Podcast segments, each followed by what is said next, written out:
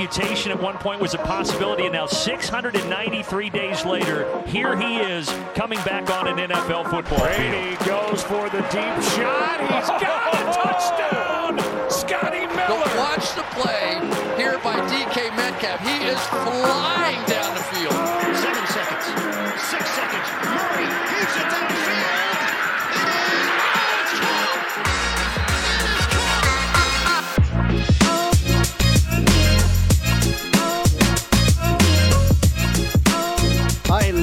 luistert naar weer een nieuwe aflevering van de Sport Amerika Fantasy Voetbal Podcast. Nou, we hadden het laatst al beloofd natuurlijk. We komen nog één keer bij je terug voordat je gaat draften met een aantal niet te missen tips van mij. En natuurlijk niet alleen van mij, want zoals altijd word ik digitaal geflankeerd door Lars Leeftink.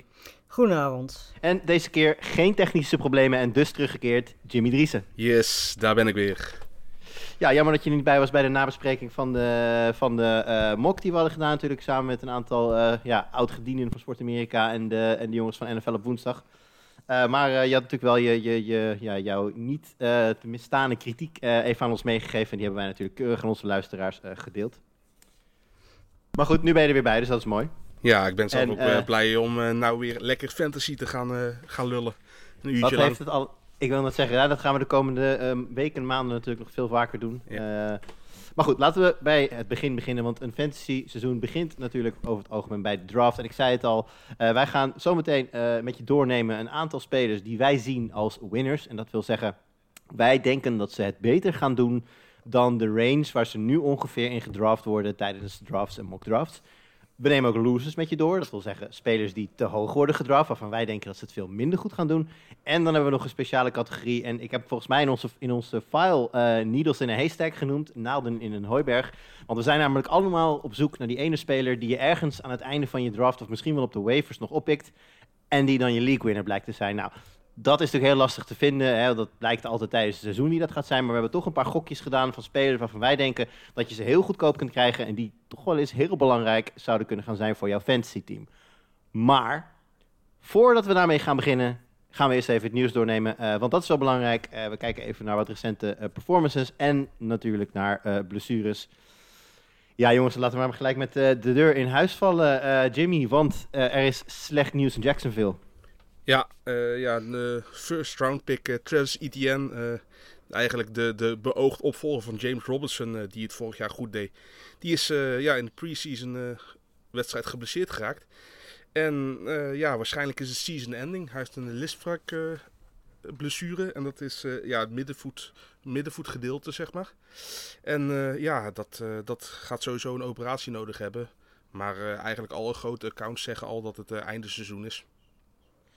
Ja, en eh, Lars, wat eh, betekent dat? Nou ja, goed, voor ETN-eigenaar natuurlijk heel simpel. eh, die ga je niet draften in een, dra- in een redraft. En als je hem in Dynasty hebt, dan zet je hem op je IR-spot.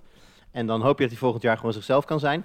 Maar even de, de fantasy impact voor de verdere Jacksonville-spelers. Ja, nou goed, het is duidelijk dat, dat James Robinson en Carlos Hyde in één keer een heel stuk populairder zijn geworden. Zeker James Robinson natuurlijk, die vorig jaar een fantastisch seizoen kende zonder dat eigenlijk iemand rekening met hem hield. Eh, dat is dit jaar natuurlijk wel anders. Ehm, maar goed, ja, de, het draften van Travis Etienne heeft ook zijn eh, draftstock natuurlijk een beetje in fantasy aangetast. En ik denk dat eh, ja, misschien dit voor, voor, voor James Robinson fantasy-wise ja, die het meest ideaal zal zijn. Want ja, met Etienne erbij had je daar drie running backs gehad. Ehm, en dat had, ja, dan was, was het heel lastig in te schatten geweest in de redraft league wie van de drie je moet hebben en of je er überhaupt aan moet beginnen. Ehm, ja, en nu denk ik dat, dat vooral James Robinson hier eh, heel erg blij van gaat worden. En Carlos Hyde, ja, je weet het niet, je ziet het. Hè, iemand kan zomaar uitvallen. Ehm, dus ja, als Robinson ook nog eens een keer uitvalt, dan is Carlos Hyde natuurlijk eh, degene die dan vervolgens eh, Ja. de snaps gaat pakken. Nou ga ik zo meteen aan Jimmy vragen waar hij Robinson nu heeft in zijn running back ranks. Dus werk daar maar vast aan, Jim. Want dan vraag ik eerst nog even aan jou, Lars. Wat betekent dit voor Trevor Lawrence? Want ETN werd natuurlijk ook verwacht als ja, een beetje safety blanket. Hè? Ja. Zou eventueel ook vanuit de slot kunnen gaan spelen. Of misschien zelfs helemaal wide-out. Eh, heeft dit nog, eh, in hoeverre eh, zie jij nu Trevor Lawrence dalen? Ik denk dat het ding is natuurlijk wel, niemand kan die rol van Travis Etienne op zich nemen bij het team van de Jaguars. Dus het valt sowieso weg.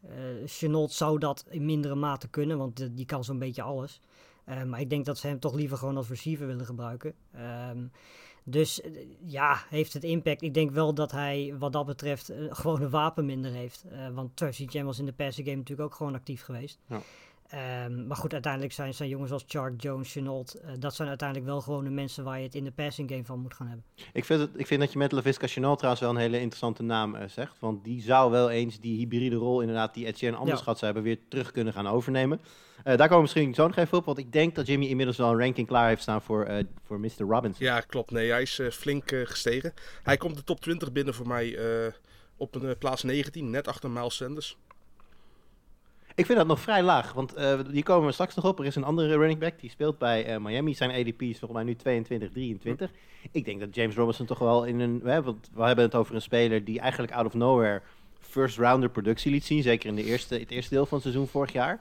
Is dan, is dan running back 19 niet te laag? Ja, maar vorig jaar was er echt James Robinson en helemaal niemand. Nu heb je alsnog Carlos Hyde die gewoon touches weg gaat nemen. Dus eh, ja, zijn floor is al iets lager en zijn ceiling denk ik ook. En daarom denk ik toch van het gaat een running back 2 worden. Dus zeg maar in de range van eh, running back 12 tot en met 24.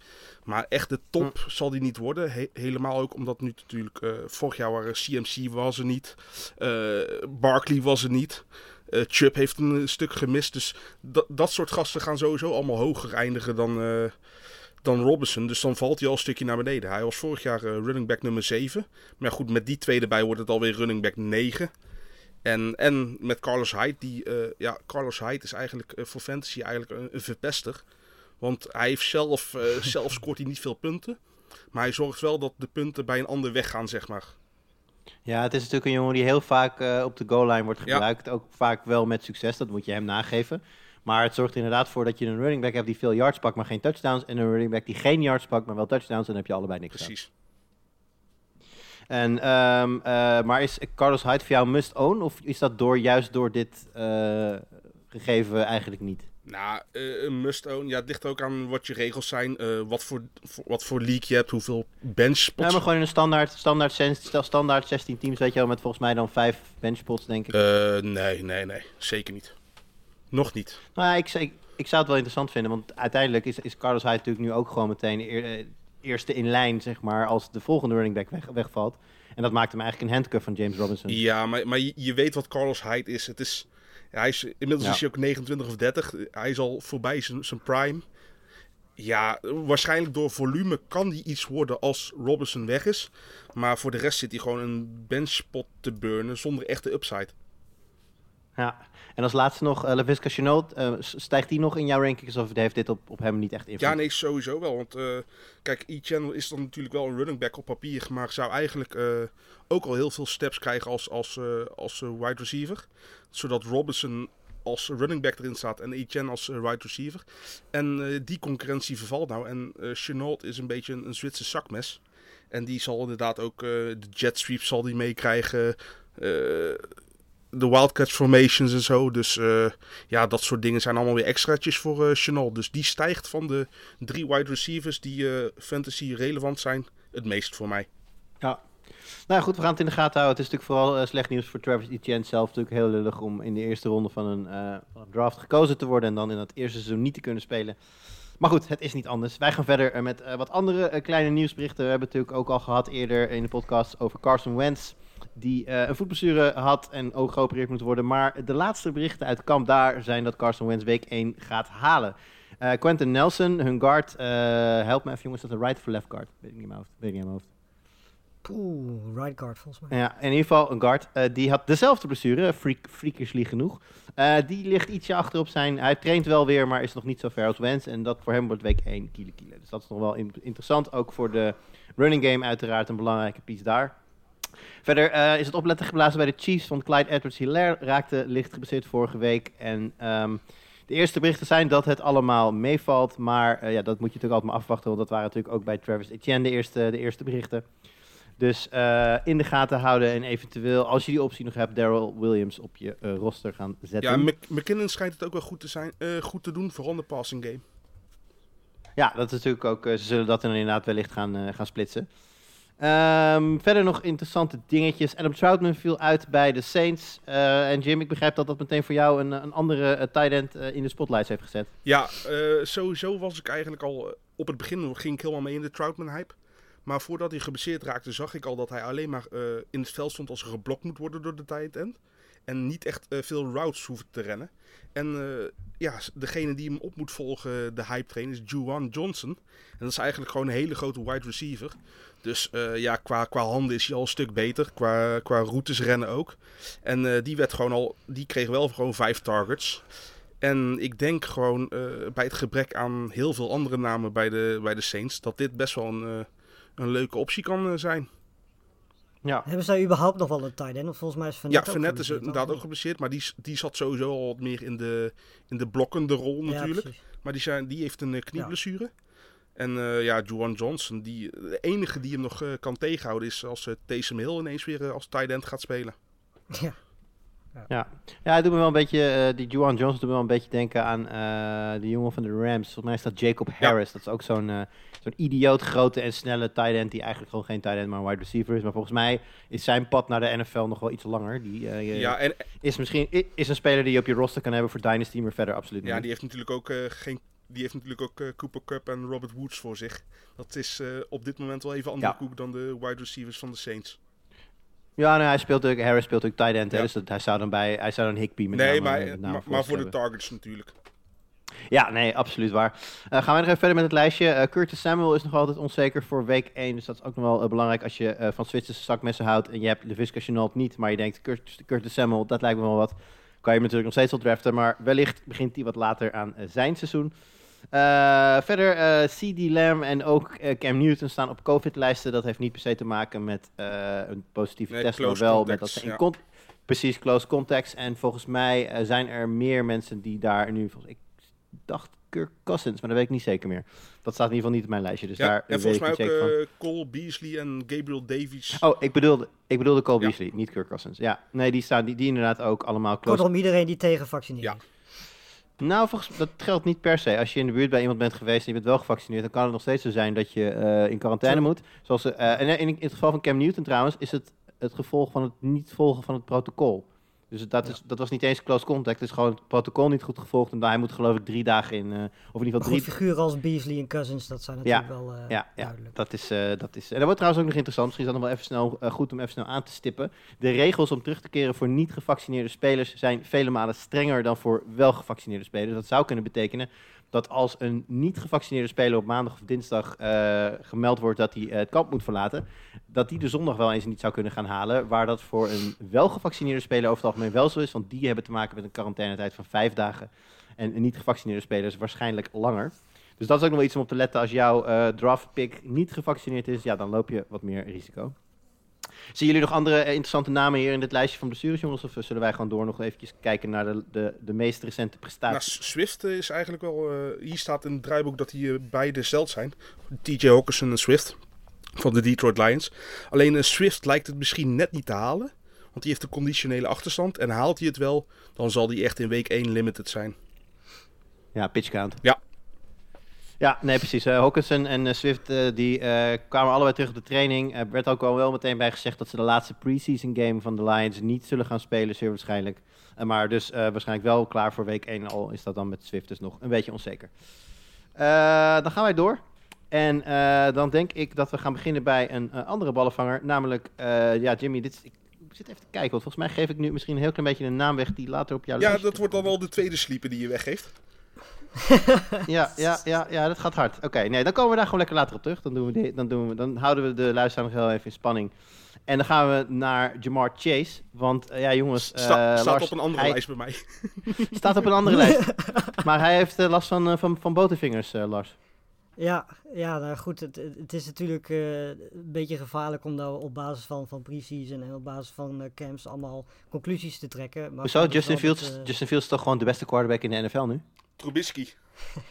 Zo weer, oh ja, oh, nee, inmiddels weer Trubisky. Je hebt gelijk. Ja, dat was natuurlijk, eh, in week 1 was het nog eh, Fields. Maar eh, nee, ja, goed, weet je, het, het is niet een ideale start. En eh, weet je, het is natuurlijk ook gevaarlijk in het geval van Chase. Want hij weet ook wel dat hij om zich heen een paar receivers heeft die, eh, mocht Chase één of twee van dit soort foutjes tijdens het reguliere seizoen maken, dan Ja. kan dat wel eens wat targets gaan kosten. Ja, nou heeft hij volgens mij ook, eh eh pin me hier niet op vast, volgens mij hoorde ik dit in een podcast ergens. Hij heeft tegen media, of schijnt hij gezegd te hebben, dat hij het best wel lastig vindt om nu weer te spelen, omdat ze natuurlijk zo lang niet in actie zijn Ja. geweest. En eh, hij miste gewoon voetbalritme en ja, gewoon echt letterlijk Ja. de moment. Roestig, hè? Ik lees dat dan als... Zeg je, ja, roestig. Ik, ik, ik, ik lees dat gewoon als het gevoel van wanneer draai je om, wanneer kijk je naar, weet je, wanneer ga je de bal zoeken, dat soort... Ja, in, in, in, in- volgens mij hebben, eh, omschrijven wij dat hier als vingerspitsengevoel. Misschien is dat wat hij naar, nog naar op zoek is. Ring rust. Maar dat zou nu wel eens Ring rust is het. ja, dat, dat zou nu wel eens kunnen betekenen dat hij wat, wat trager van start gaat dan zo'n top rookie normaal eh, zou, zou willen doen. Maar goed, dat, eh, daar komen we straks nog even op terug, want eh, Jamar Chase komt inderdaad in onze lijstjes ook voorbij.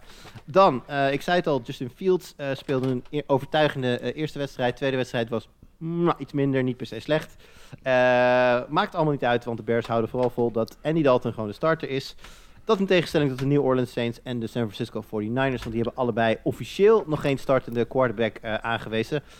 Maar eh, jongens, eh, Winston zag er toch vrij goed uit afgelopen weekend. Ja, zeker. Eh, die heeft zeker wel een streepje voor. Helemaal omdat hij die connectie met Callaway heeft. Nou, is er wat voor te zeggen pre-season tegen de Jaguars. De Jaguars staan natuurlijk niet bekend als een hoogvliegend team op dit moment. Nu helemaal niet Maar goed, Taysom Hill kreeg die kans ook tegen Jaguars en deed er niks mee. Dus wat dat betreft denk ik, zeker fantasy-wise, voor alle anderen om de quarterback heen bij de Saints, is het belangrijk dat Winston de quarterback wordt. Ja, want we hebben natuurlijk al eerder gezegd, hè, Taysom Hill is waar fantasy goes to die. Eh, vorig jaar heeft Kamara natuurlijk, ja, voor zijn doen in ieder geval hele matige weken gedraaid met Taysom Hill als quarterback. Volgens mij de enige die er toen relatief goed vanaf kwam was Michael Ja. Thomas, die in ieder geval nog een redelijk, eh, redelijk volume Maar ja, overeind die is er nu niet. Maar of dat, eh, nou nog niet, maar of dat, of dat inderdaad in stand houden blijft over een heel seizoen, dan moet je ook nog maar, maar afwachten. En eh, als we gaan kijken naar quarterbacks die het redelijk hebben gedaan afgelopen weekend, dan vielen eh, Be- Ben Ro- Roethlisberger en Zach Wilson van de Jets, die eh, vielen allebei op. Eh tenminste, Roethlisberger uiteraard niet van de Jets, maar van de Steelers. Eh, allebei de quarterbacks gooiden twee touchdowns. Eh, hebben we daar nog een boodschap aan? Ja, ja Zach, Nee. Zach Wilson doet het verrassend goed. Ik, eh, Big Ja. Ben vond ik, eh, ik heb zijn tape nog gekeken en het waren vooral de wide receivers die, zijn- die de plays maakten. Deontay Johnson is al heel vroeg in vorm. Eh, heeft geen drops gehad, dus eh, als hij dat niet heeft is het een perfecte receiver.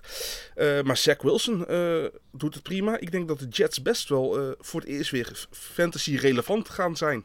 En dat is Ah, ik, wil, bizar om te ik, zeggen. wilde vragen naar wie, eh, ik wilde vragen naar wie Zach Wilson die ballen dan gooide, maar dan ga ik weer mensen van jouw lijstjes afhalen. dus, eh, ik, ik zou zeggen, we parkeren hem lekker hier, de, de recente prestaties. Eh, ja, goed, wat Lars al zei, hè, het is pre-season, niet te veel opletten. Maar wat Jim zegt, Deontay Johnson die vroeg in vorm is, dat kan natuurlijk eh, een, goede, een goede zijn. En mocht je twijfelen tussen spe- twee spelers, dan kan net dat het beslissende streepje zijn. Goed jongens, we gaan door eh, naar de, de toppers, de losers en de sleepers, om zo maar even te noemen. En eh, ik heb totaal geen structuur hierbij bedacht, dus ik ga gewoon een beetje random door het, eh, door het kaartje heen. En eh, Lars, ik begin bij jou. Eh, geef mij nou eens een running back waarvan jij denkt, die wordt veel te laag gedraft.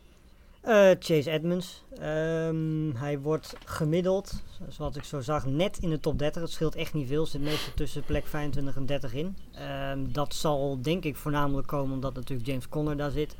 Ehm, maar om heel eerlijk te zijn, eh, ik ben eigenlijk sinds vorig jaar en eigenlijk misschien al wel wat eerder het vertrouwen in James Conner een beetje verloren. En ik denk dat Chase Edmonds, daar wachten we eigenlijk al een tijdje op voordat hij echt doorbreekt.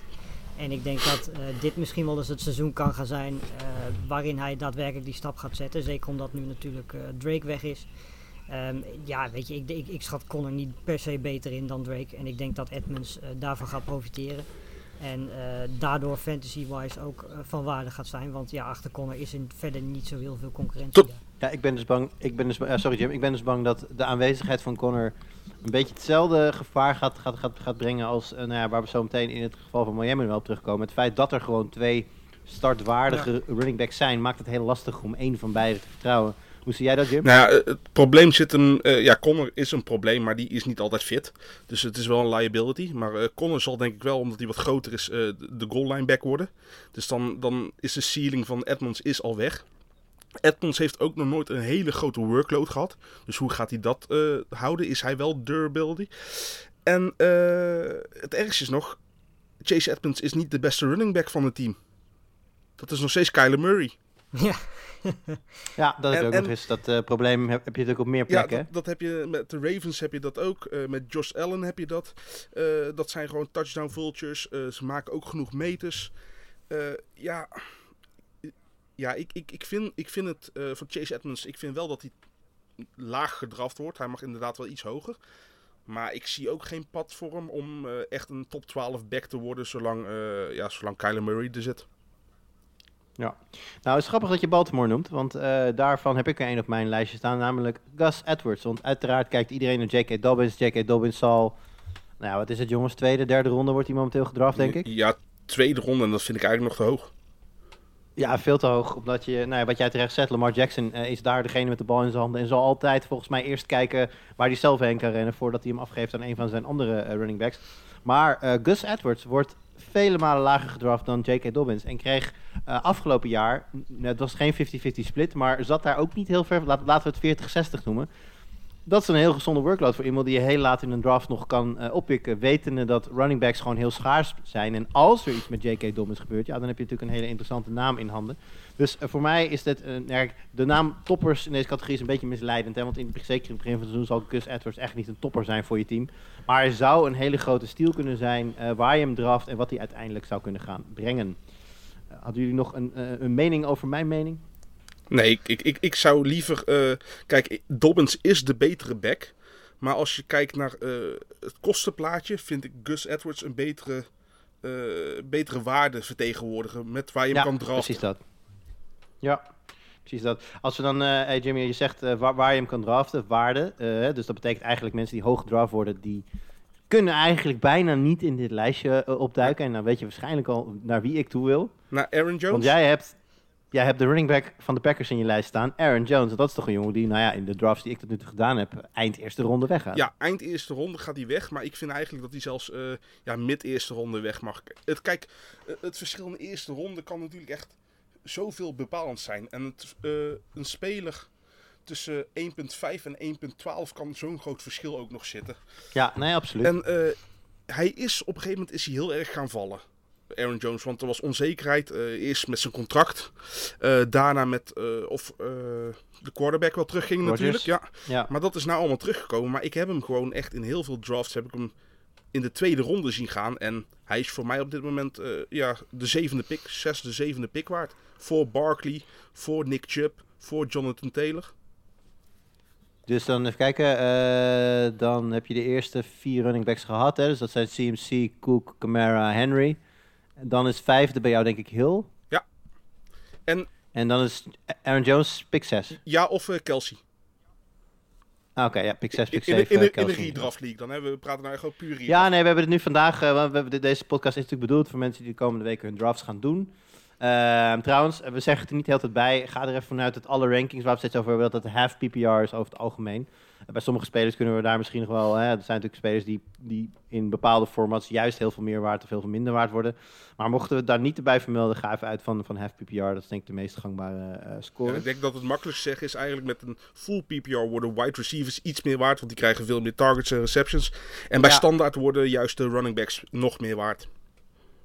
Ja, ik wil de running backs even afmaken in dit, in dit topperslijstje. Want ik heb er zelf nog een aantal staan. Eh, Mike Davis. Nou, ik, eh, Jimmy, ik weet dat jij het hier eh, denk ik roerend mee eens bent. Mike Davis is de laatste tijd wel iets geklommen in ADP. eh, maar eh, gaat wat mij betreft nog steeds veel te laag. Eh, in heel veel mock drafts zie ik hem in de vijfde ronde nog, eh, nog voorbij komen. Eh, ik denk dat dit een, een speler is met, nou ja, ik- als ik round 3 upside zeg, dan denk ik dat ik nog redelijk eh, eh, bescheiden ben. Ja, en vandaag is ook nog belangrijk, eh, belangrijk nieuws naar buiten gekomen over de running backs van de Falcons. Javian Hawkins, een eh, undrafted rookie, die is gekut. Dus eigenlijk is er alleen nog uh, Ollison is nog eigenlijk zijn concurrent. Ja, en daar gaat hij het makkelijk van winnen natuurlijk. Ja, zeker met die bovenbenen. De quad squad. Ja. Ja, nee, Mike Davis. En we, als we het dan toch over PPR hebben, Mike Davis is natuurlijk een, een- back die in, in, in Carolina heeft laten zien dat hij ook in de passing game goed uit de voeten kan. Dus eh, dat eh, zou zomaar eens een hele interessante pick-up kunnen zijn in de vierde, vijfde ronde. eh, net wanneer hij die kans krijgt. Nou, mijn laatste. nou ja, dit, laat ik ze allebei gewoon in één keer noemen. Ik heb op mijn topperslijstje nog staan Miles Gaskin, running back van Miami. En Jimmy, jij hebt op jouw lijstje staan Daryl Henderson, running back van de Rams. Ja. En nou weet ik dat wij hier volgens mij lijnrecht tegenover elkaar zijn. Want ik ben eigenlijk totaal niet, totaal niet is het altijd... Elke speler heeft een prijs waarop ik hem uiteindelijk wel een keer wil hebben. Maar op de plek waar Henderson nu gedraft wordt, ben ik niet geïnteresseerd. Terwijl ik Gaskin, eigenlijk net als Mike Davis, vele malen hoger in. Weet je wat de gemiddelde draftpositie is van Daryl Henderson? Vertel Pick het me. 93. En dat is de hoeveelste ronde? Ja, dat zal Twaalf, ze twaalf. zevende ronde zijn ongeveer. Zeven, achtste. Ja, dat is al heel laag inderdaad. En? Miles Gaskin, 61. Pick 61 gemiddeld. Ja, dus dan zit je in de vijfde Ja. ronde. Ik weet zeker dat ik liever Henderson heb tegen die prijs dan Miles Gaskin. Laat ik, laat ik vooropstellen, ik vind Miles Gaskin vind ik een veel betere speler. En is misschien ook wel wat betrouwbaarder, want eh, hij heeft nog niet laten zien dat hij zo blessuregevoelig is als Daryl Henderson. Alleen ik denk Ja. wel dat eh, ik heb heel veel eh, vertrouwen in, in McVay natuurlijk, de, de, de playcaller van de Rams.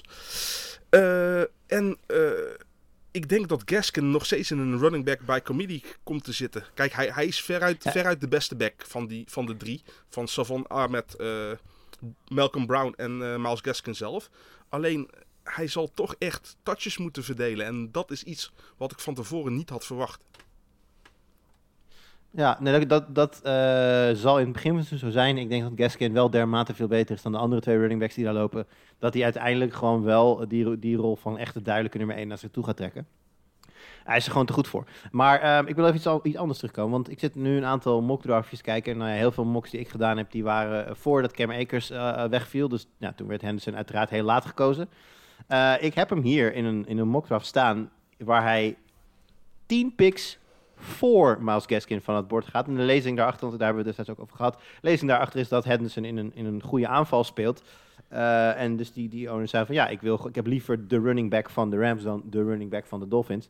Ehm, maar ik vind dat dan heel hoog, want ik heb hier, dit is de vierde pick in de vierde ronde. Henderson en Gaskin was hier de eerste pick in de vijfde Nou, ronde. laat ik zo zeggen, als ze ongeveer eh, gelijk zitten qua pick, eh, denk ik dat Henderson een betere floor heeft.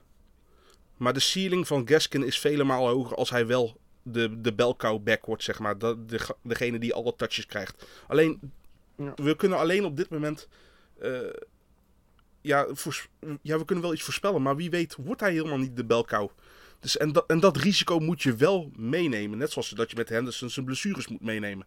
Dus in, in mijn achterhoofd denk ik wel van ja, wat als Gaskin nou niet de belkou wordt? Dan, ja, dan is de ceiling ook gewoon een stuk lager ineens. Ja.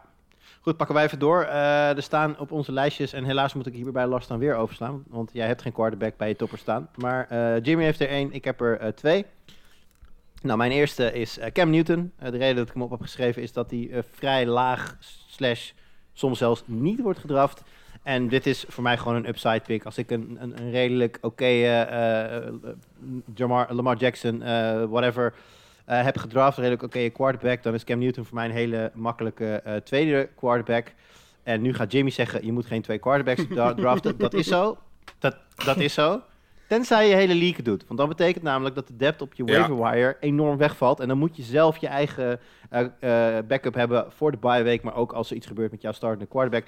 En dan denk ik, kijk, de, de, de, hè, de discussies zijn natuurlijk eh, flink. Mac Jones, wanneer gaat hij het overnemen? Gaat hij het overnemen? Dat merk je vanzelf wel. En dan kun je Cam, dan kun je Cam altijd nog droppen en een andere eh, vervanger. Maar op het moment dat die eh, offense wel gaat lopen... en Cam Newton, eh, nou, net zoals we net al zeiden over, over Josh Allen en Lamar Jackson... Cam Newton is ook zo'n quarterback die touchdowns vultured van de running backs. Dan kan Cam ineens een heel snel een, een top 10 quarterback zijn. En dat alleen al is denk ik voldoende om hem in een hele late ronde... gewoon eventjes op je roster te gooien. Ja, nee, ben ik het op zich wel mee eens. En, eh, en juist als je wel inderdaad voor meerdere quarterbacks gaat, dan kan je zo'n gokje inderdaad nemen. Dan, dan vind ik het prima.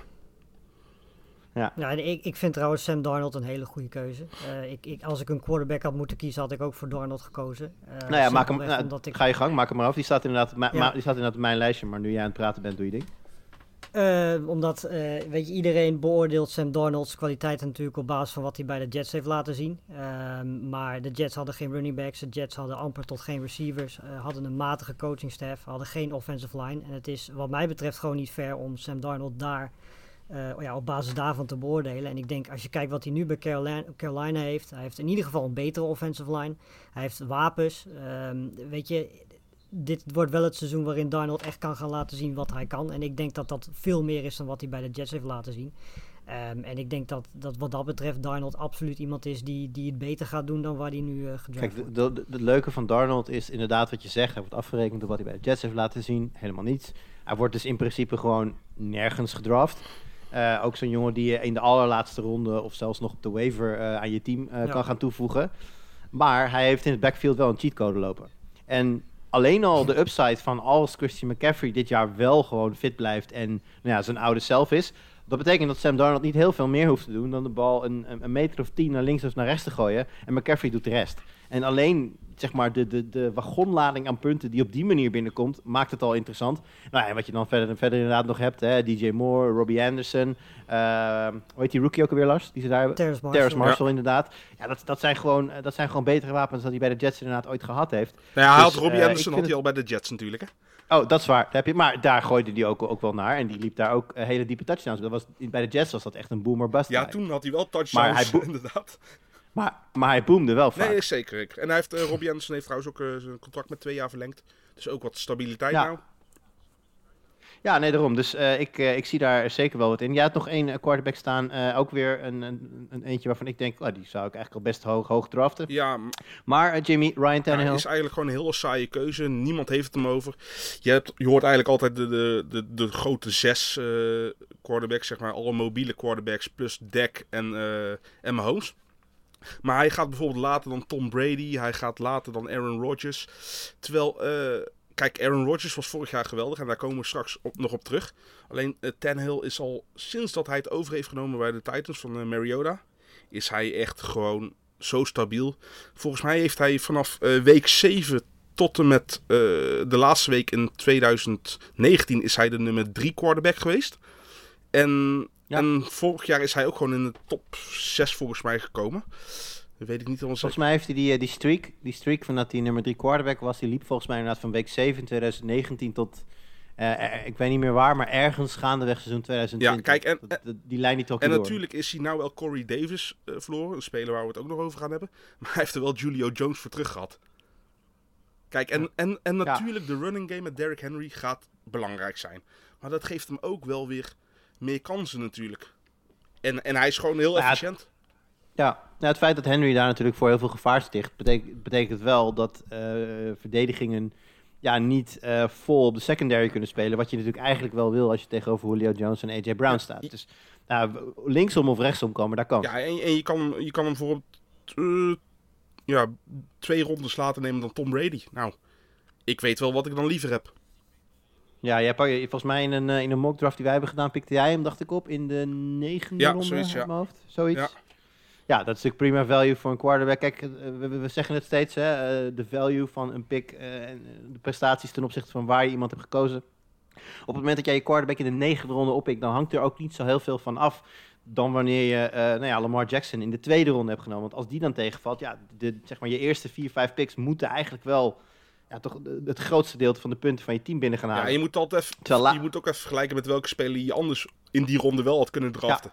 Want stel voor, je, je, je Ja, pakt. Mahomes in ronde 2. En eh, een, een, een, ja, wie mi- wist je dan? Een, een Calvin Ridley, een. Calvin Ridley bijvoorbeeld. Of een Kittle inderdaad.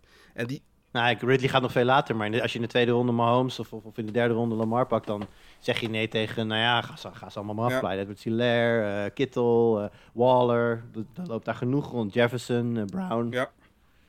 Dus dat, nee, daar heb je helemaal gelijk in, James. Dat is een interessante keuze. Nee, je zei het zelf al. We hadden natuurlijk net al even over, over Zach Wilson. Toen zei ik al, ik ga niet weggeven op wie die gooit. Maar doe jij dat ja, vooral wel? Corey Davis, ja, heeft een groot contract getekend bij de Jets. Terwijl er ook nog andere wide receivers op de markt zijn. Dus eh, ze zijn doelbewust voor hem gegaan. Is vorig jaar eindelijk een keer doorgebroken bij de Titans. eh, met AJ Brown aan zijn zijde. En eh, in de preseason, ik weet niet wat er gebeurt, maar volgens mij alle ballen van Wilson, die gaan naar, naar de- Corey Davis toe. Ik bedoel, en, en je wilt een, een wide receiver nummer 1 hebben die je gewoon laat kan draften. Nou zit er wel een kanttekening bij. Komt dit omdat die klik gewoon zo goed is? Of komt het ook omdat de hooggedrafte rookie Elijah Moore op dit moment geblesseerd is? Want de eerste trainingskampgeluiden waren dat eh Zach Wilson en Moore een connectie hadden. Maar goed, nou, eh, de, de, de wedstrijden laten zien dat Corey Davis alles pakt wat hij pakken Ja. kan. Die heeft op 72% Ja. van zijn routes die hij rent, wordt hij getarget. Ja, dat, is, dat wil je.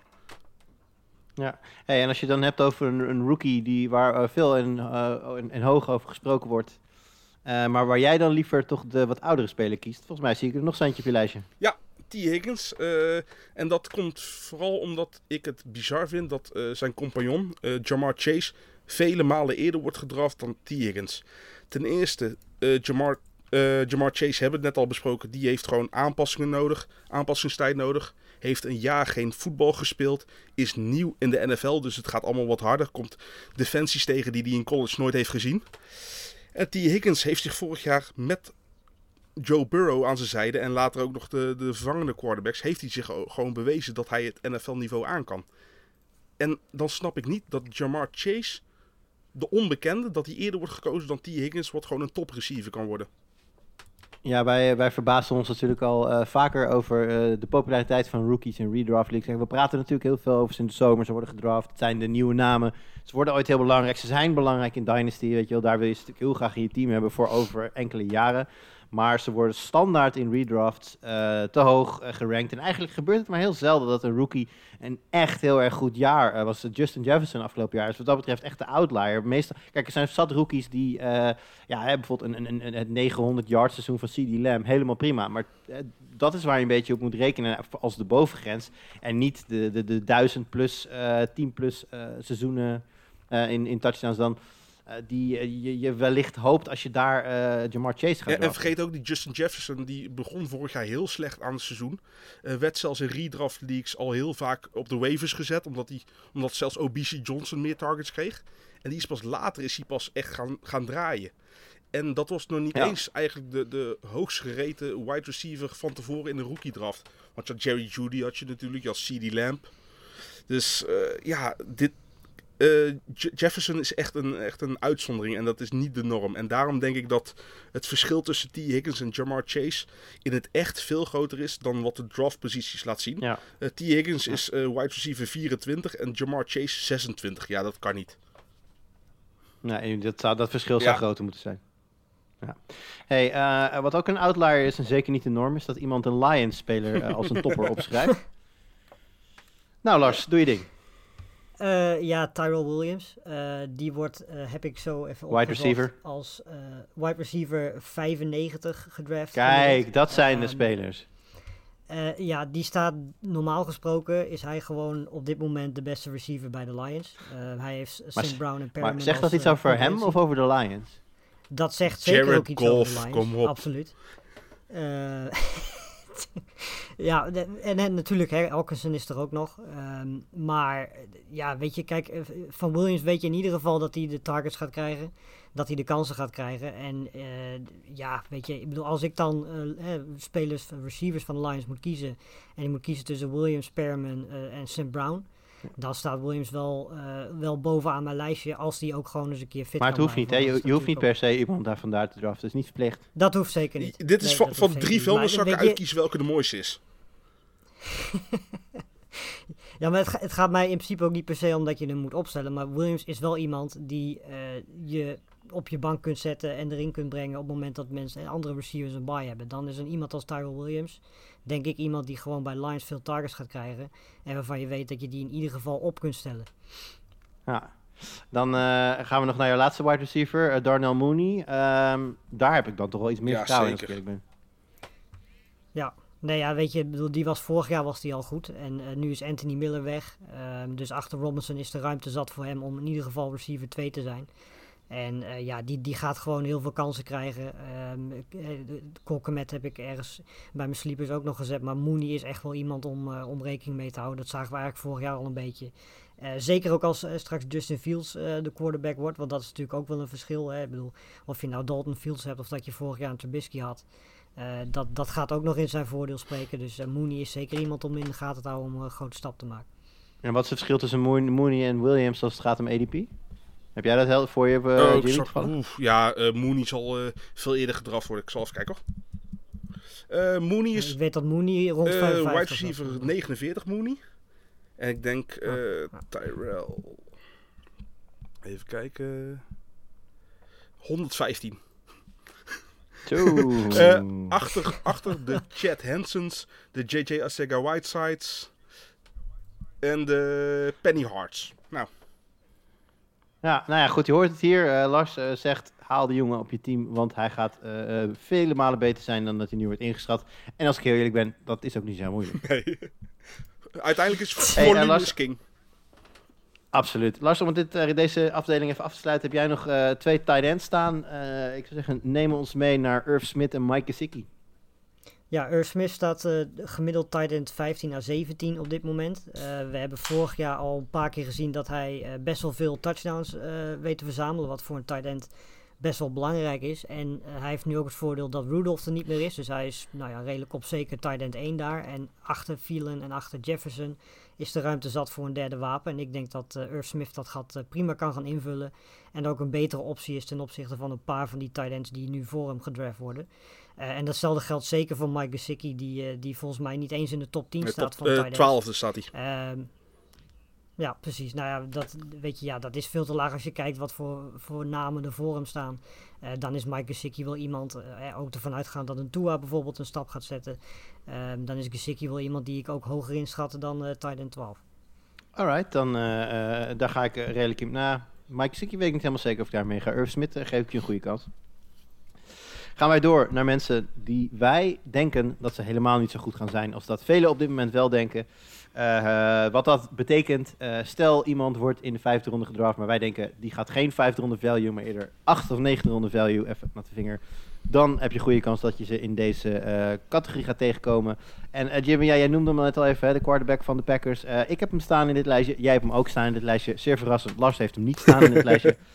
Ehm, en ik, ik, ik, ga gewoon mijn visie daarop gooien en dan mag jij erop schieten. Eh Rodgers had vorig jaar een heel erg sterk jaar, maar heeft geen upside met zijn benen. Wat je nu toch veel ziet in fantasy Ja. is dat de beste fantasy quarterback iets moeten kunnen met hun benen. En dus af en toe touchdown binnenlopen om zo je scores te boosten. Eh, running touchdown wordt eh, hoger ge- gewaardeerd dan een passing touchdown. Nou, die upside heeft Rodgers niet, of in ieder geval niet meer. Dus hij moet eigenlijk om dezelfde waarde als vorig jaar zijn, eh, te halen, zijn MVP-seizoen gaan herhalen. Nou ja, die kans over het algemeen ook niet zo heel groot. Dus eh, dat maakt het al heel snel om te zeggen, er zijn in de range dat je Aaron Rodgers nu moet draften, betere quarterbacks te krijgen. Weet je wat het grote verschil vooral maakt? Eh, Touchdown regressie komt eraan. Hij heeft een eh, touchdown percentage van eh 6,3 over zijn hele carrière. En dat is dus eh, vorig jaar meegerekend, wat het omhoog heeft gestuurd.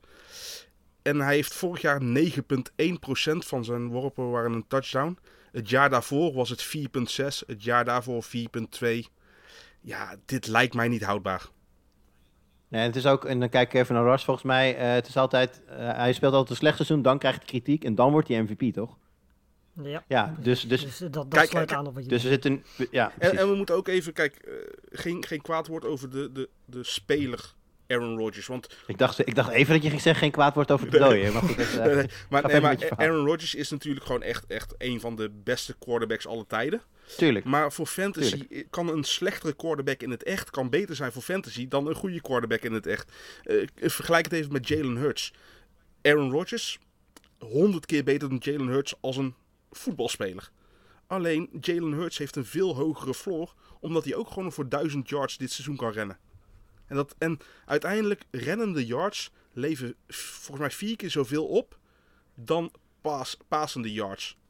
Nou, een, pa- een passing touchdown is vier punten en een eh, rushing touchdown is Ja, ja, maar punten. ook- ook daar, qua eh, yards ook, hè? Een rushing yards levert meer op, toch? eh, Ja, een passing yard is 0,1 punt en een rushing yard is... Nee, is dat niet gewoon hetzelfde? Nee, voor, nee 100 vol- yards volgens mij is het zelfs... nee, een, een, een passing yard is niet 0,1. Een rushing yard wel. Een passing yard volgens mij minder. Nou ja, goed, daar, zou- daar zijn we wel eens gelijk kunnen hebben. Moet ik, zo, moet ik zo even opzoeken. Maar goed, dat maakt voor het punt nu niet uit. We verwachten inderdaad een veel minder seizoen eh, dan van Rodgers. Ben ik nog wel even benieuwd trouwens, Jimmy. eh, want eh, ja, eigenlijk kun je dezezelfde lezing en geen upside met zijn benen, dus volledig afhankelijk van zijn passing, ophangen aan Tom Brady. Toch zie ik Tom Brady over het algemeen hoger gerangschikt staan in, in lijstjes dan Ja, Rodgers. logisch. Aaron Rodgers heeft wie? Devante Adams? Aaron Jones? Devin Funches. Hij heeft toch een good old Randall Cobb Ja? Randall Cobb en eh, MVS is er ook nog natuurlijk. Ze hebben Amari Rodgers gedraft. Nee, maar als je, als je alleen al kijkt naar, naar de wide receivers eh, die, eh, die de Buccaneers hebben met Godwin Evans en Antonio Brown. Ja, dan, ja, dan is het toch Ja. logisch dat je eerder voor, eh, voor Brady kiest. Ja, mee eens. Eh, blijven we even bij de quarterbacks hangen. Eh, Lars, jij hebt een andere quarterback op jouw lijstje gezet, namelijk Dak Prescott. Ik zei het net, eh, nee, ik heb hem niet behandeld. Hij stond wel op het lijstje. Is aan het spelen. ehm, even kijken waar ik hem staan. Ja, Dak Prescott gooide voorafgaand aan Dallas preseason game 52 passes. Volgens Dallas zou Dak, als het nu week 1 zou zijn, zonder problemen kunnen starten. Maar dat maakt jou niet uit, want jij zegt Dak Prescott is een loser. Nou ja, ik hoop op, oprecht dat, dat, dat wat de Cowboys zeggen waar is. Ehm, maar in dit Maar geval. jij is gelooft ze niet, dat is het. een- eh, nou ja, ik geloof de Cowboys sowieso niet zo snel. Ehm, maar Hele gezonde op, instelling. eh, als het op het gebied van Prescott nou, weet je, ik wil eerst eh, gewoon zien, ja, weet je, hoe zijn mobiliteit eruit ziet. Want dat is voor Prescott fantasy-wise natuurlijk wel heel belangrijk. En ehm, ja, dat, dat zijn dingen die je voor een draft natuurlijk niet kunt inschatten. Dat kun je pas zien tijdens een seizoen. Eh, kun je een gok nemen met Prescott? Ja, want weet je, als hij gewoon fit is, is dat inderdaad een top 5 eh, quarterback. Eh, vanwege zijn mobiliteit, maar ook vanwege de passing die hij natuurlijk gewoon heeft. Ehm, maar de enige reden dat hij hier staat is niet vanwege de speler die hij is, maar vooral vanwege de onzekerheid die ik heb qua blessures. En of hij inderdaad die Ja, mobiliteit nog heeft die hij had Ja. voor zijn blessure. Al moet ik wel zeggen natuurlijk, twee dingen die wel in zijn voordeel spreken. De offensive line van hem die vorig jaar sle- gewoon slecht was omdat iedereen geblesseerd was, is weer fit. En de defense is, Ja, voor en de defense is nog steeds slecht. Dus eh Dak Prescott zal nog steeds als Ja. een gek moeten gooien. Want behalve Micah Parsons hebben ze niet zo heel veel toch... eh, dat je denkt van nou, dat, dat kan wel wat worden. Dus eh, dat gaan hoge score games worden, shootouts worden. En ja, wie is, wie is er beter in een shootout dan Dak Prescott? Ja, en hij heeft natuurlijk ook de wapens, hè? Ik bedoel, Cooper, Lamb, Gallup, maar ook eh Zeke die natuurlijk, eh, Ezekiel Elliott die natuurlijk eh, volgens de overlevering beter in vorm zou zijn, eh, in fysieke vorm zou zijn dan ooit tevoren. En sowieso beter, en op- beter is met, met dek dan zonder dek. Dat zag je vorig jaar heel erg. Absoluut. En hij zal natuurlijk gebrand zijn op, op, op, Hij heeft natuurlijk, nou ja, op zijn zacht gezegd, niet zijn beste seizoen Nee. ooit gedraaid vorig jaar. Dus eh, ja, de, de, de, er ligt genoeg reden om toch wel te geloven in Dak, Pe- Dak Prescott. Maar goed, meningen kunnen verschillen. En eh, daar gaan we eh, nu ook achter komen. Want, Jimmy, ik wil zo meteen naar de running backs, maar ik begin toch even bij deze wide receiver. Jimmy, jij hebt hier staan DJ Chark. En nou weet ik, ja Lars, volgens mij heb je hem inmiddels eh, weggehaald. maar in een van de eerdere versies van... Ja, nee, dat ga ik... Het dat, internet vergeet er niks. gewoon even bij. Een van jouw eerdere versies, daar had jij of bij de, of bij de winners of bij de, bij de sleepers had jij DJ Chark staan. Dus ik, eh, ik Ja. zou zeggen, ik, eh, ik zeg in de blue corner Jimmy, in de red corner Lars. en eh it's time. Ja, het, het is wel al, eh, kijk, ik, ik hou die rankings hou ik wel op zich up-to-date, maar af en toe vergeet ik wel eens een paar dagen en dan, dan loop ik alweer achter op de realiteit. Dus hij valt wel al meer naar een positie waar ik denk van nee, niet per se een grote bust. Alleen DJ Chark wordt echt als clear-cut number one wordt hij gedraft. Ten eerste, hij heeft een blessure op dit moment. Dus eh mist het preseason met nieuwe quarterback Lawrence.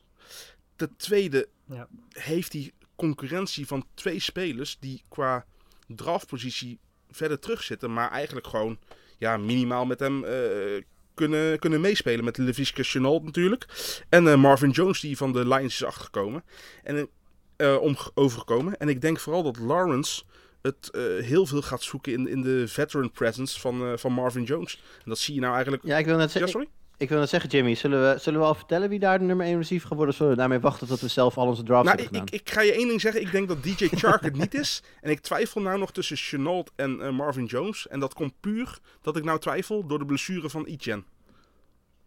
Ja, de, de, het volume Ja. bij, eh bij, bij Chenault zou Ja. zo hoog kunnen worden dat dat dan de factor de nummer Precies. 1 wordt. Want hij kan ook heel veel eh, voor acties na, de, na zijn ontvangst... Ja. kan hij nog verder yards after, after carry eh, creëren. Ja, yards, yards after catch Ja. inderdaad zeker een factor bij hem. Ehm, Lars, eh, leg jij nu ons eens even uit waarom Jimmy ongelijk heeft?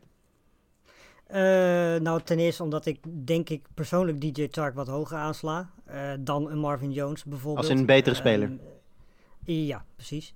Ehm, reden twee is eh, dat hij nog nooit een goede quarterback gehad heeft. Die heeft hij nu Minshew? wel. Hallo? Ehm, Hij is een goede quarterback, hè? Nee. Punten voor ja, de snor. maar, maar hoe eens, verklaar je maar- dat als hij nooit een goede quarterback heeft gehad... dat hij in 2019, zijn enige goede jaar... dat hij toen de wide receiver 17 was. Toen had hij juist een, een, een connectie met, met Minshew. Maar Ja. vorig jaar, wide receiver in, in full PPR 49... in half PPR 48 en in standaard 48. Nou, ja... Ja, maar vorig jaar was Minshew toch ook gewoon minder dan het maar- jaar daarvoor. Maar eigenlijk heeft DJ Shark heeft je, het ook kijk, maar wat ik denk, zien ik- uiteindelijk. Nee, dat klopt, zeker. Maar ik, ik denk, weet je, als wij puur op, op talent kijken, dan, dan is Chark hun beste receiver. Vind ik dan in ieder geval. En met Trevor Lawrence heeft hij een quarterback die normaal gesproken vanaf dag 1 eh, zijn receivers gaat opzoeken. En inderdaad, wat jij zegt, weet je, het was dan handiger geweest als Chark in preseason eh, al wat had kunnen werken met Lawrence. Hè, zoals een, een Wilson dat doet met Davis. Ehm, maar ik denk uiteindelijk dat het, dat het talent boven gaat drijven. Waar dat op gebaseerd is, dat is inderdaad lastig. Want eh, weet je, Chuck heeft het tot nu toe niet consistent kunnen laten zien. Vanwege blessures en concurrentie. Maar ik schat die concurrentie, en zeker nu ik denk dat Chenault een andere rol gaat krijgen vanwege die blessure van Etienne. Ehm, denk ik dat Chark gewoon de eerste pure receiver is waar Lawrence naar zal kijken. En natuurlijk, weet je, Jones gaat ook zijn targets wel krijgen. Ehm, maar ik geloof wel dat met Lawrence als quarterback dat DJ Tark een, een, absoluut wel een, stap kan gaan zetten. Nou, jullie meningen zijn duidelijk. Eh, ik ehm, ben geneigd om aan Lars' kant te zitten, maar wel pas halverwege het seizoen. Ik verwacht inderdaad dat Marvin Jones aan het begin, eh, inderdaad, wat, wat Jimmy zegt, veteran presence, eh, ja, een soort, toch een beetje veiliger om daar dan heen te gooien. En Marvin, maar, Jones, eh, Marvin Jones was vorig jaar ook gewoon de wide receiver nummer 14. Hè? Die heeft gewoon een gigantisch Ja. goed, goed seizoen gehad. Ja, en kijk, eh, eh, we, we, we, zitten- we hameren natuurlijk de hele tijd, waar moet je iemand draften? Nou, je kunt Marvin Jones na Chark draften, volgens mij redelijk ruim na, Ja. redelijk ruim na Chark. Kijk, en dat maakt zijn, zijn, zijn, zijn, de, de value, hè, de upside die hij dan heeft, maakt dat natuurlijk wel heel interessant. Ja. Goed, gaan we verder jongens. Ik heb eh, in ons file eh, vier running backs naast elkaar gezet en er staat er nog één naast. Die wil ik eerst even doen. Eh, Jimmy, jij hebt eh, Michael Carter aangewezen als, als loser. Ik denk dat we daar niet heel veel woorden aan vuil hoeven maken. Nee, die gast is gedraft alsof hij echt de, de, de eerste optie van de Jets was. Maar hij, eh, Ja, running back voor de Ja, duidelijkheid. Ja. maar hij schijnt nou achter Ty Johnson en achter Tevin Coleman te zitten. En dat zijn niet geweldige, geweldige spelers. En, maar zo werd hij wel gedraft. Dus hij is veel te hoog. Hij was volgens mij running back 30. Nou, ik, ik zit er misschien eh 10 posities lager aan te denken. Running back 40 denk ik er misschien Ja. aan. Ja, wat ik, eh, wat ik, wat ik er zo van lees in, eh, in, de, in, de, in de, de beats hè, van de beat reporters, is dat de, de, ja, de lezing, het kamp is dat hij wel degelijk het talent heeft, maar op heel veel manieren gewoon redelijk rough around the edges is en ja, gewoon wat langer tijd nodig heeft om, om de NFL, of zeg maar starter in de NFL te worden, dan dat ze aanvankelijk hadden gedacht. Goed, dat eh, voor wat betreft Michael Carter. Dan heb ik eh, vier running backs staan. En twee eh, heeft Lars op zijn lijstje, twee heb ik op mijn lijstje. Ik zal ze even opnoemen. Jonathan Taylor voor mij van de Colts. Joe Mixon van de Bengals. Josh Jacobs van de Raiders. En Najee Harris van de Steelers. Ehm, ik zit even te kijken of ze allemaal dezelfde uitleg hebben, maar ik denk het niet. Dus ik begin maar gewoon eventjes aan mijn kant. Eh, Jonathan Taylor, eh, ja, veel gedoe natuurlijk eh, bij de Colts over de offensive line. Dat Quentin Nelson nu onderweg terug is, dat scheelt wel iets. Maar ik denk dat die jongen een heel erg goed seizoen heeft gehad afgelopen jaar. En ik betwijfel of hij dat in die aard weer kan herhalen. Zeker omdat daar best wel wat problemen zijn in die O-line. En ja, als er één starter is en vier niet, dan wordt dat een probleem. En, en minder, check, en minder checkdowns. Hè. Ze hebben geen Rivers meer, maar Carson Wentz. Dat ook nog eens een Carson Wentz lijkt te gaan spelen. Nou denk ik dat dat op zich wel een voordeel is uiteindelijk voor Taylor. Want ja, dat, dat maakt die, dat team beter. Dat maakt de kans dat ze voorstaan groter. En dat maakt dan hè, de noodzaak om te gaan rennen groter. En daarnaast, ik weet niet, eh, is het feit dat Mac terugkeert? Maar, eh, niet Marlon Mac. ehm, Jawel. Marlon Mack, ja. wel Ja, ja. Marlon Mac. Oh, ja, Return of the Mac. Zo, ik ben helemaal in... Heel, the Return of the Big Mac. De, de Small Mac. Eh, speelt dat nog een rol, Jimmy? Ja, ligt eraan. Kijk, ik denk dat vooral Cam Akers owners gaan nou kijken wat Marlon Mack heeft gedaan, eh, gaat doen. Want die heeft natuurlijk zijn Achillespees afgescheurd. En dat is eigenlijk de, Ja. de, de, de killing blessure voor je NFL-carrière als running back. Ik bedoel, als running back heb je al niet al een, een, een lange carrière. Eh, ik verwacht niet dat Mac een hele grote rol gaat krijgen. Eh, Jonathan Taylor is de toekomst. Voor de third downs hebben ze een hele goede passing, eh, pass-catching back met Naeem Hines. En ik denk dat die Ja. 1-2 punch combo eh, het, eh, gewoon de, de eerste drie downs gaat overleven. En ik denk dat Ja. Mac gewoon... eh, Mac is, is niet eens draftable in een redraft league. Nee. Maar de reden dat ik Taylor hier heb opgeschreven is dat hij wordt momenteel zo een beetje richting het einde van de eerste ronde gedraft. Ik denk dat je daarmee te veel betaalt voor een running back als Jonathan Ja, vooral Taylor. ook omdat zijn... kijk, we hebben het over Montgomery gehad met zijn makkelijke schema op het einde. Jonathan Taylor heeft dat precies hetzelfde gehad. En daar wordt veel minder over gezegd van... Kijk eens naar zijn makkelijke schema. Dus ik denk, eh, denk Ja. voor, voor, voor eh, Dynasty is Jonathan Taylor top. Voor redraft dit jaar, meh. Ja. Nou, Joe Mixon heb ik erop gezet, omdat eh, ik Joe Mixon een heel aantal keer al in mijn team heb gehad. En op de een of andere manier, als ik hem draft, blijft hij niet fit. Dus die fout ga ik niet meer maken. En hij wordt, als je hem wil hebben, dan zul je hem eind tweede ronde, begin derde ronde moeten oppikken. En dat is voor mij een veel te, veel te hoog risico om, om Maar te geen doen. Giovanni Bernard Dus- meer. Geen Giovanni Bernard. Nee, kijk, als hij, als hij, als hij fit Ja. blijft, dan is hij die tweede, derde ronde pick zeker waard. Maar ja, noem het, voor, noem het voorgevoel. Ik, heb gewoon, ik, voel, ik voel gewoon bad, bad juju bij, eh bij Maar Joe dat is volgens mij de hele fantasy tendens over de hele wereld. Je bent te vaak in de steek gelaten door Joe Mixon. Ja, nee, dat heeft iedereen hetzelfde. Ik, en net als dat ik, als ik, als ik Hilton opstel, dan is hij er niet. Als ik hem wegdoe, dan, dan, dan, en dan maar heeft hij een topweek. Je hebt gewoon van die, dat soort spelers die gewoon nooit lief voor je kunnen Precies. zijn. Eh, is, dat, is dat ook het probleem bij Josh Jacobs en Najee, Har- nou, Najee Harris zal niet, want die komt net kijken. Maar eh, Lars? Eh, nou ja, ik- ik heb Josh Jacobs hier vooral bij gezet omdat ik hem vorig jaar eigenlijk al niet zo heel overtuigend vond. Eh, ik kan me herinneren dat hij wat blessures had en ik kan me ook herinneren dat hij een tijdje gewoon werd verslagen door Devontae Booker, eh, die ook een paar goede wedstrijden had. Ehm, daarbij komt dat hij volgens mij gedraft wordt als nummer 15 running back ongeveer. Eh, nou, daar staan namen achter, eh, zoals Montgomery, Swift, Sanders, eh, Robinson, die ik persoonlijk allemaal eerder zou kiezen. Ehm, en daar komt ook bij dat natuurlijk eh, Kenyon Drake erbij is en die hele offensive line eh, zo'n beetje nieuw is. In ieder geval een nieuwe formatie.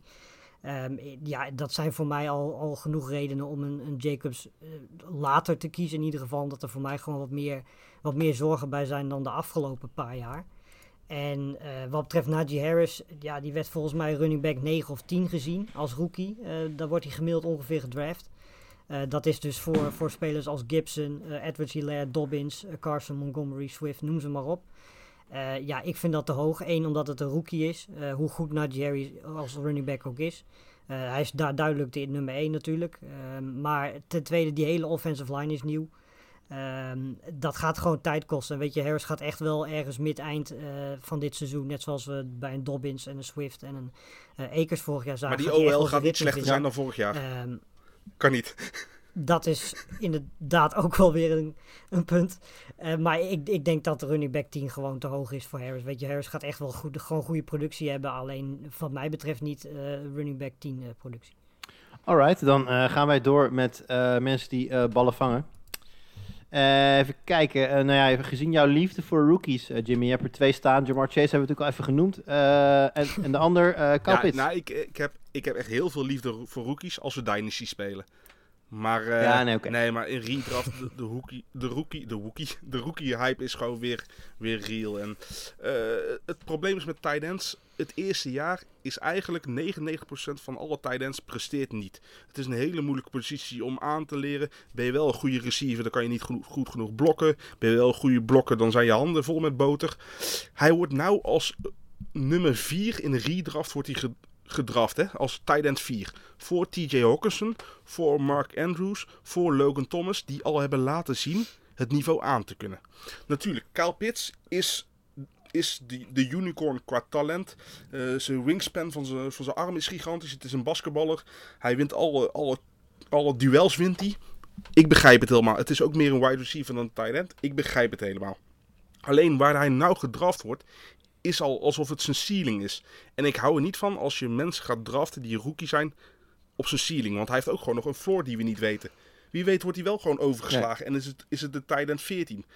Hij heeft zo'n kleine eh, ruimte voor, voor fouten in zijn draftpositie op dit moment. Dat ik hem gewoon eh, echt niet in ronde 4, 5 of 6 wil hebben hoor. Dan heb ik liever andere spelers daar en wacht ik op een tight end in, in ronde 8 of 9.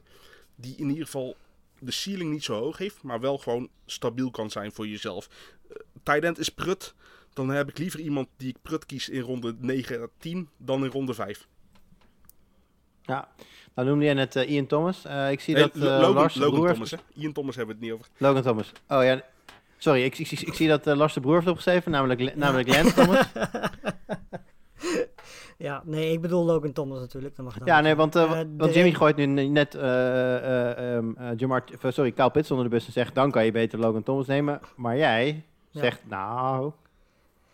Eh, nou ja, ik, waarom ik twijfel Logan- over Lance Logan Thomas, omdat Thomas. hij ten eerste voor... Ach, zeg ik ga het hier ook gewoon op, die, anders zeg ik het zo meteen gewoon nog een keer. Eh, Logan Thomas, als, die, eh, als, je, als je naar kijkt, vorig jaar was het natuurlijk zijn eerste seizoen dat hij echt eh, productief was. En hij stond volgens mij ook gewoon top 10 tight ends. Hij wordt dit jaar volgens mij als tight end 7 gedraft. Ehm, eigenlijk de enige reden, en ik moet zeggen, ik was eigenlijk een beetje op zoek naar mensen. Tight end- ja, tight end die- 9 ik was. was als Tight laatste end met, 9. eh, Ja. Tight end 9. Oké, tight end 9. Eh, weet je waar ik, waarom ik hier hem er neer heb gezet? Ik heb ook getwijfeld over, over Robert Tonjan. En eh, nu ik hier zo over Zeker, zeker. Tonjan op moeten schrijven. Ehm, maar de reden waarom ik Thomas hier alsnog op heb gezet is eigenlijk eh, simpelweg omdat er bij Washington voetbalteam waren er vorig, was vorig jaar één wapen naast Thomas en dat was McLaurin.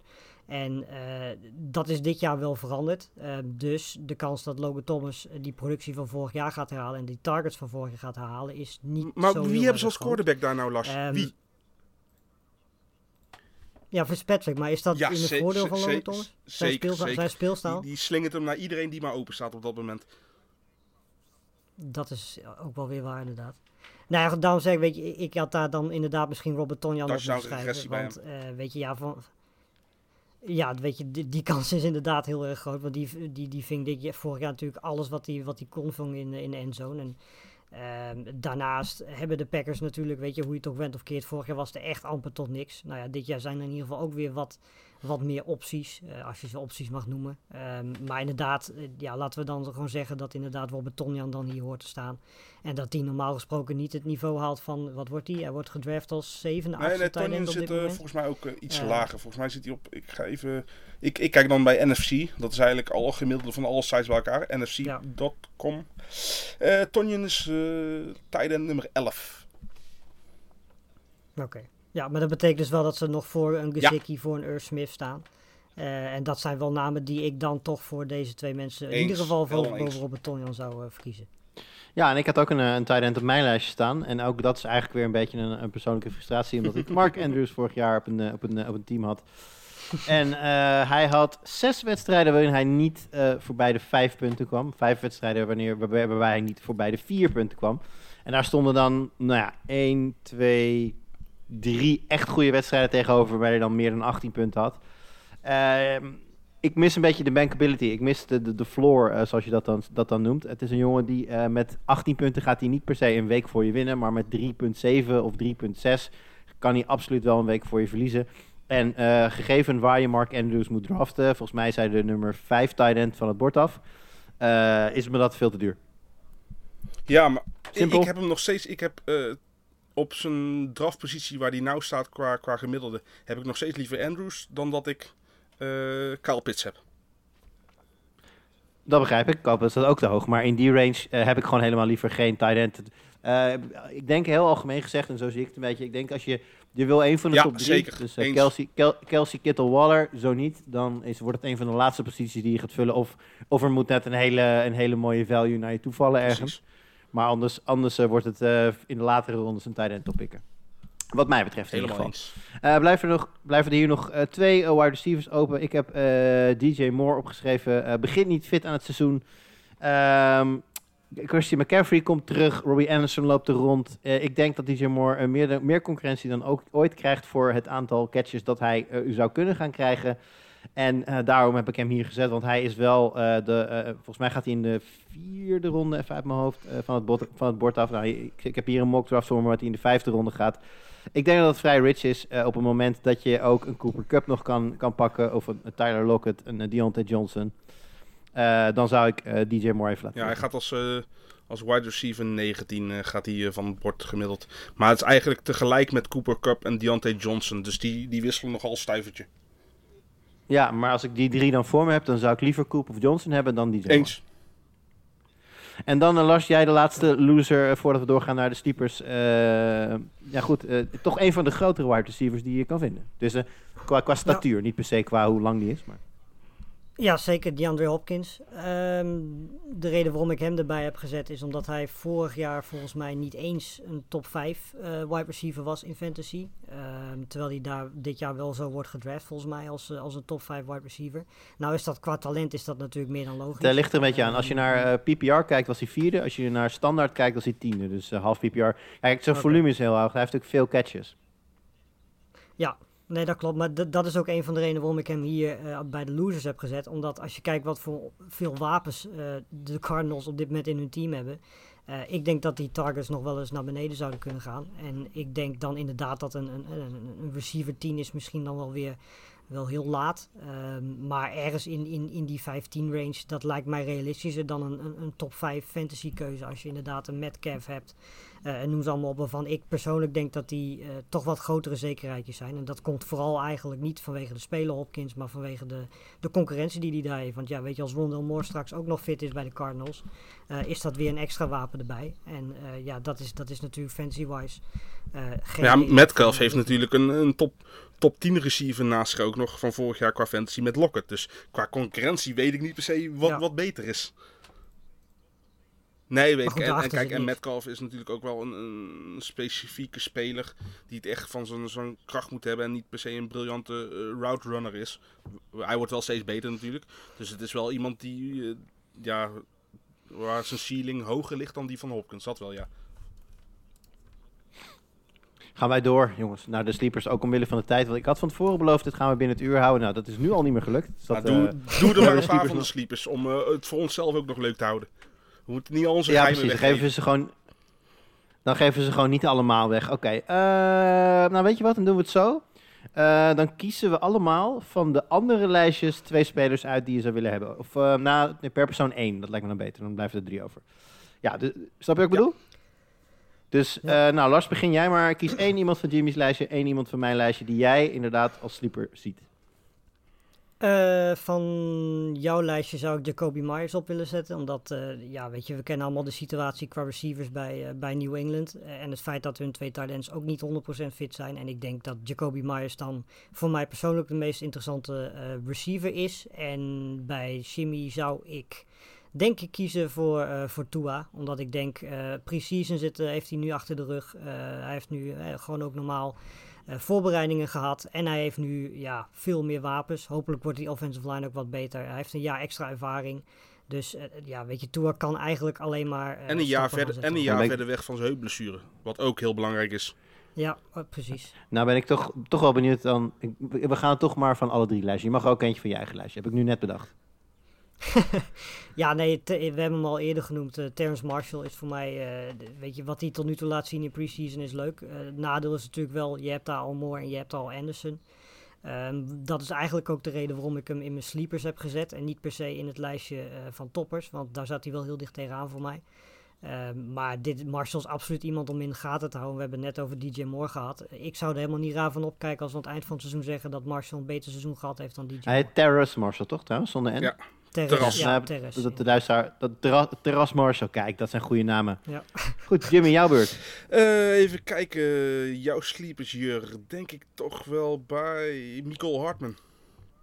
Eh, week 1 is sowieso gegarandeerd goede score. Want eh, alle punten die Watkins ieder jaar in week 1 eh, scoort, gaan nou naar Hartman. Eh, nee, eh, ik, ik vind hem heel talentvol. En hij is van jouw lijstje ook degene die de bal krijgt van de beste quarterback. Dus wat dat betreft geloof ik in het talent van Hartman. En weet ik dat Mahomes het talent heeft. Dus 1 plus 1 is 2 voor mij. Ja, goed, ga verder. Even kijken. Uh, Kolkmet denk ik aan bij, bij Lars, bij de Bears. Eh, puur ook vanwege het feit dat hij eh breakout potentie heeft. Eh, heeft ook een, een jaar mogen wennen natuurlijk. En is qua, qua value ook gewoon gigantisch goed op te pikken. Ja. Helemaal ook Wordt soms, wordt soms niet eens Nee, gedraft. en zelfs. helemaal ook omdat eigenlijk na tight end 6, denk ik, het allemaal inwisselbaar kan zijn. En als je dan K- Kmet kan pakken, die wel een ceiling heeft die gewoon gigantisch hoog zit. Dadelijk als eh, Andy Dalton eh, plaats mag maken voor Justin Fields, een goede quarterback krijgt bij de Bears. Ja, ik, ik geloof er wel in. Ja, en dan van je eigen lijstje. Ja, we hebben hem net al even geteased natuurlijk helemaal aan het begin. Dus ik zou zeggen, dat hebben we hem, toen hebben we hem niet behandeld. Dus je zal nu al moeten. Marcus Callaway, ja. Ja, Eh, ja. Ja. die, die valt gewoon echt met de neus in de boter. Kijk, eh, Michael Thomas, iedereen eh, die fantasy speelt, kent denk ik wel het verhaal van vorig jaar was hij de wide receiver 1 die gedraft werd. Heeft eh, bijna niet gespeeld door een high ankle sprain. Kwam terug, raakte weer geblesseerd. En heeft dus nou in het offseason opnieuw eh, ja, een operatie gehad aan zijn enkel. Dus ligt er sowieso tot de bye week ligt hij eruit. Blijft zo'n raar verhaal trouwens. Hè. Die, hij had die, op, die, die operatie makkelijk Ja. gewoon in januari kunnen doen, maar hij heeft het in juni. Ja, en toen kwamen ook nog eens over en weer het verwijten dat ze elkaar ge- geghost hebben, zeg maar. Voor degene die dat niet weten, is eigenlijk, eh, ja, je laat niks meer van je horen na een appje, om het eh, maar in die termen te zeggen. Dus Michael Thomas is sowieso de eerste paar weken niet fantasy, fantasy relevant. Eh Trickwan Smith, die eigenlijk daarna de wide receiver 1 werd genoemd, is ook geblesseerd. En heeft zelfs ook aangetoond dat op de dagen dat Michael Thomas er vorig jaar niet was, dat hij niet per se een hoge ceiling had. En Callaway in combinatie met James Winston. Ja, ik bedoel, James Winston is, is voor elke coach een verschrikking. Want eh, als je kijkt naar zijn laatste volledige seizoen in 2019 bij de Buccaneers, had hij eh 33 Geweldig. touchdowns en 30 intercepties. Een 30-30 seizoen. Nou ja, daar word je als coach helemaal gek Ja. van. Maar fantasy relevant voor de receivers is dat heerlijk. Ik bedoel, ik, ik, ik, ik wil best wel een speler hebben die, die een ceiling heeft van 12 touchdowns. Die je kan eh, draften in, ja, wat zal het zijn? Na deze uitstelling zal die al wel weer eh, omhoog gestegen zijn. Maar zeker wel vanaf rond 16, 17. Nou, prima hoor. Ja, nee, zeker.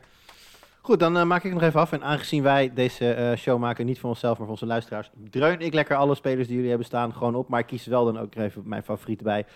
Jimmy had nog op zijn lijstje staan Juwan Johnson, tight end van New Orleans, hebben we natuurlijk al even behandeld. Rashad Bateman, wide receiver van Baltimore. En Ramondre Stevenson, running back van New England. En die laatste is daar mijn favoriet. Ik denk dat hij zeker richting...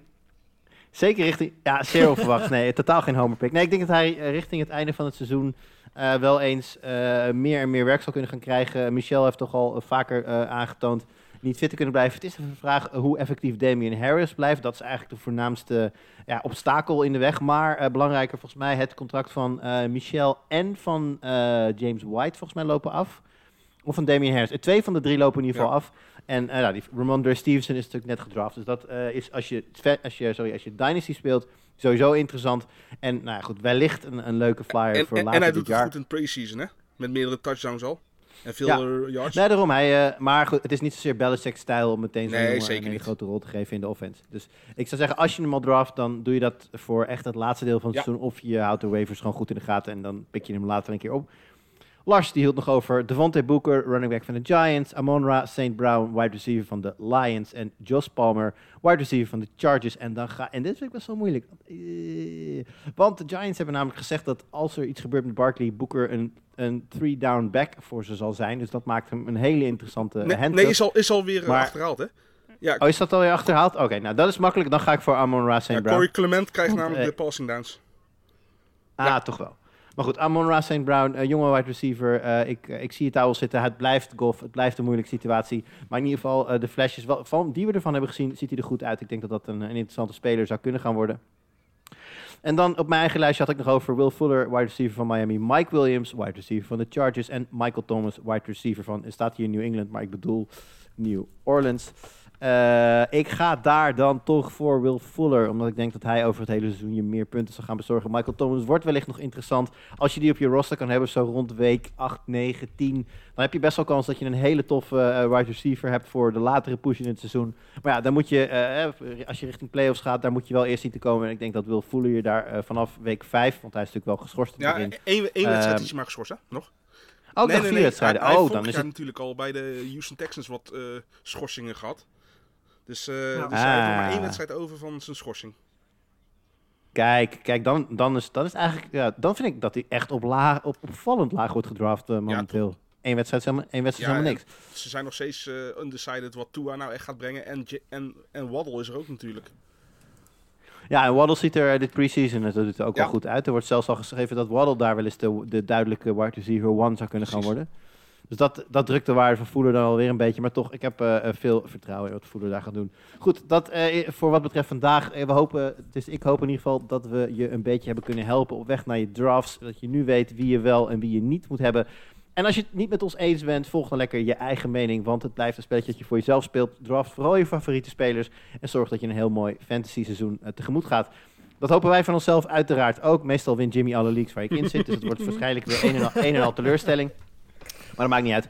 In ieder geval, voor nu, heren, hartelijk bedankt. Ja, leuk om weer terug te zijn, man. Yes. Zin in het seizoen.